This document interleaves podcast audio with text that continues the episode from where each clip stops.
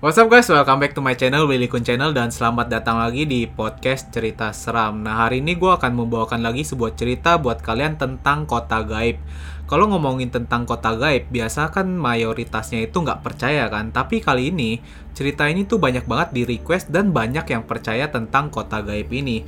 Bahkan ada yang cerita juga, beberapa dari kota gaib ini pernah didatangi oleh artis Indonesia. Nah, pasti penasaran banget kan kalian? Tapi sebelum gue mulai menceritakannya, jangan lupa untuk selalu support channel gue dengan cara klik tombol subscribe-nya aja di pojok kanan video kalian. Kemudian tinggal klik tombol loncengnya agar mendapatkan notifikasi terbaru dari video di channel gue ya guys. So kita langsung aja membahas mengenai kota-kota gaib di Indonesia.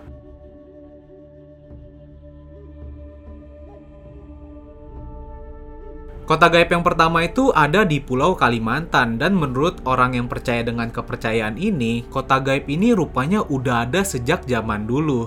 Nah, tepatnya kota gaib ini ada di dekat desa Oka-Oka, Kalimantan Selatan. Nah, kalau kita buka peta, kita nggak akan bisa menemukan namanya kota Saranjana, tapi diperkirakan desanya itu ada di sekitar sini nih, di antara perairan dan pergunungan di dekat desa Oka-Oka.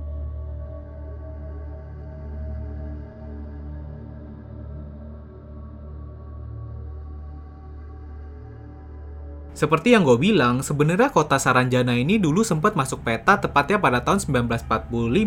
Ada satu peta yang menuliskan nama kota Saranjana ini, tapi entah mengapa sekarang kotanya udah nggak ada dan di peta juga udah nggak ada nama kota Saranjana. Menurut beberapa orang yang pernah melihat kota ini dari kejauhan, mereka mengaku melihat kota yang megah dan maju, tapi ketika mereka coba untuk datengin kota ini, entah mengapa mereka nggak melihat apa-apa, mereka cuma melihat deretan perairan yang tanpa kota yang mereka lihat tadi. Kota gaib Saranjana ini sendiri sebenarnya memang digambarkan oleh masyarakat sekitar itu seperti kota yang maju, memiliki gedung-gedung pencakar langit dan jalan raya yang luar biasa megah. Sedangkan penduduk yang tinggal di kota Saranjana ini dikabarkan memiliki profesi sebagai petani, tapi bukan petani biasa.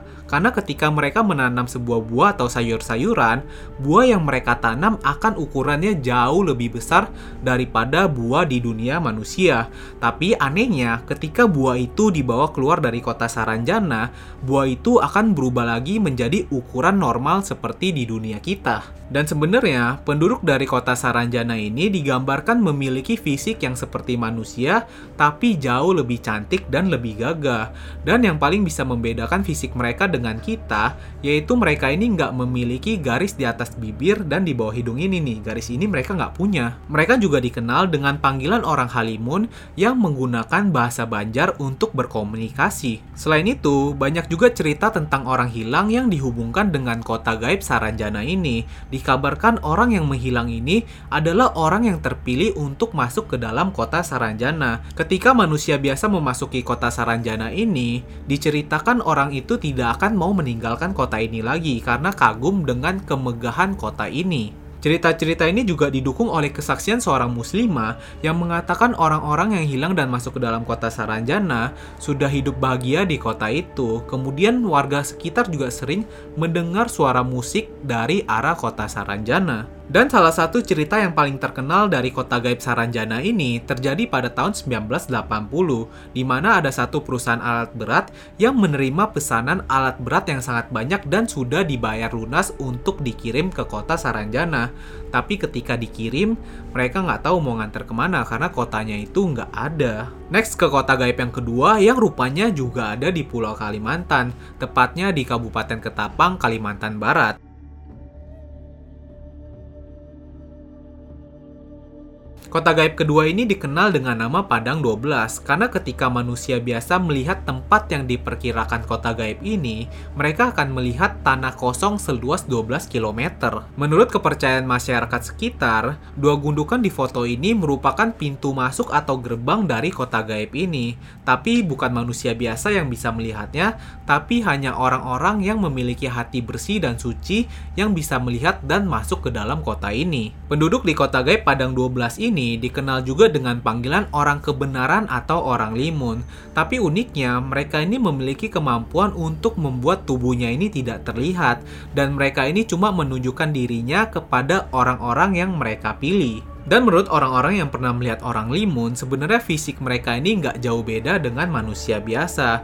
Tapi lagi-lagi yang membuat mereka berbeda ini, mereka nggak punya garis di atas bibir ini yang di bawah hidung ini nih. Mereka nggak punya ini. Dan mereka juga percaya orang-orang limun ini adalah orang suci yang taat beribadah. Tapi layaknya manusia, rupanya orang-orang Limun ini juga sering berbelanja ke pasar dekat kota Ketapang, di mana ketika mereka berbelanja, mereka ini nggak menggunakan uang, tapi mereka menggunakan kunyit. Nah uniknya, kunyit ini bila disimpan, keesokan harinya kunyit ini akan berubah menjadi emas. Wah, luar biasa banget ya. Selain itu, ada juga satu cerita yang sangat menarik di mana dikabarkan artis Roma Irama sebenarnya pernah manggung di kota gaib Padang 12. Soalnya, menurut artis Roma Irama, sebenarnya dia itu pernah manggung di Ketapang dua kali, tapi menurut warga dari kota Ketapang, dia ini rupanya baru manggung satu kali di kota Ketapang. Ditambah lagi, Roma Irama ini sebenarnya sempat bingung kenapa kota Ketapang yang dia datangi kedua kalinya berbeda dengan kota Ketapang yang pertama kali dia datengin. Dia mengatakan pertama kali dia datang ke kota Ketapang, dia itu sempat kagum karena kota Ketapang itu sangat megah katanya, tapi ketika didatangin yang kedua kali, nggak begitu lagi. Jadi apakah sebenarnya artis Roma Irama itu nggak manggung di kota Ketapang tapi di kota gaib Padang 12? Gak ada yang tahu. Next kota gaib yang terakhir ada di Pulau Sulawesi, tepatnya di perbatasan antara kota Palu dan Kabupaten Mutong, Sulawesi Tengah.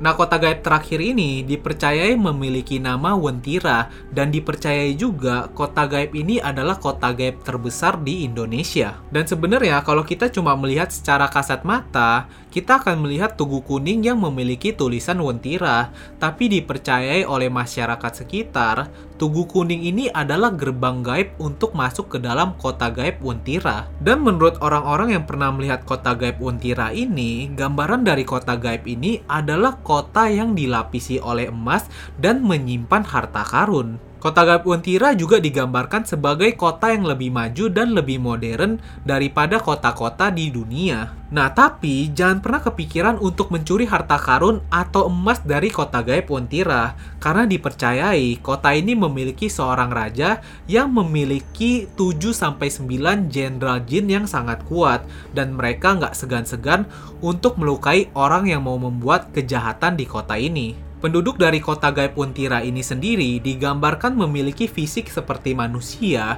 tapi mereka ini suka menggunakan pakaian berwarna kuning. Kemudian lagi-lagi, yang buat mereka beda dengan manusia, mereka ini nggak punya garis di bawah hidung ini nih, di atas bibir ini mereka nggak punya. Dan diceritakan, penduduk dari kota gaib Untira ini sendiri sering membeli mobil-mobil mewah berwarna kuning, contohnya seperti BMW. Tapi ketika mobil itu dibeli dan dibayar lunas, dan mau diantar, mereka ini lagi-lagi kebingungan. Mereka cuma sampai ke Tugu Kuning yang diperkirakan sebagai gerbang dari kota gaib Untira. Dan satu cerita yang paling menarik dari kota gaib Untira ini datang dari mahasiswi yang bernama Lin Vita Puspita. Karena mahasiswi ini meminta izin kepada orang tuanya untuk menikahi salah satu penduduk Wentira. Dia mengatakan bila dia sudah menikahi dan pergi ke kota gaib Wentira, dia ini nggak akan pernah bisa kembali lagi. Jadi dia hanya meminta doa kepada orang tuanya dan seketika setelah itu jejaknya ini seperti lenyap entah ke mana. Dan penduduk di sekitar Tugu Kuning Mentira juga sangat tidak menyarankan kalau kita mau ke Tugu itu menggunakan baju berwarna kuning. Karena katanya warna kuning ini adalah warna kesukaan dari penduduk kota gaib Mentira dan gak jarang orang yang menggunakan baju berwarna kuning hilang masuk ke dalam kota gaib Mentira. Nah, jadi itu dia kota-kota gaib yang ada di Indonesia dan menurut gua sendiri, sebenarnya cerita-cerita ini memang sulit dipercayai, tapi banyak banget yang menyaksikan dan mengatakan mereka melihat kota gaib ini. Dan coba kalian perhatiin nih ya, dari cerita-cerita kota gaib ini, mereka bisa menjelaskan orang-orang yang tinggal di kota gaib ini punya kesamaan di mana mereka nggak punya garis di atas bibir sama di bawah hidung ini kan. Gimana caranya kalau ini cuma karangan, ke ceritanya ini bisa mirip gitu. Terus Terus Coba perhatiin, mereka juga punya panggilan yang sama. Satu orang Limun dan satunya lagi orang Halimun. Tapi lagi-lagi balik ke kepercayaan kita masing-masing, terserah kalian mau percaya atau enggak. Jadi gimana pendapat kalian? Coba tinggalin di kolom komentar ya. So itu dia guys, cerita hari ini tentang kota-kota gaib di Indonesia. Jangan lupa untuk like dan share video ini. Thank you guys for watching this video. See you!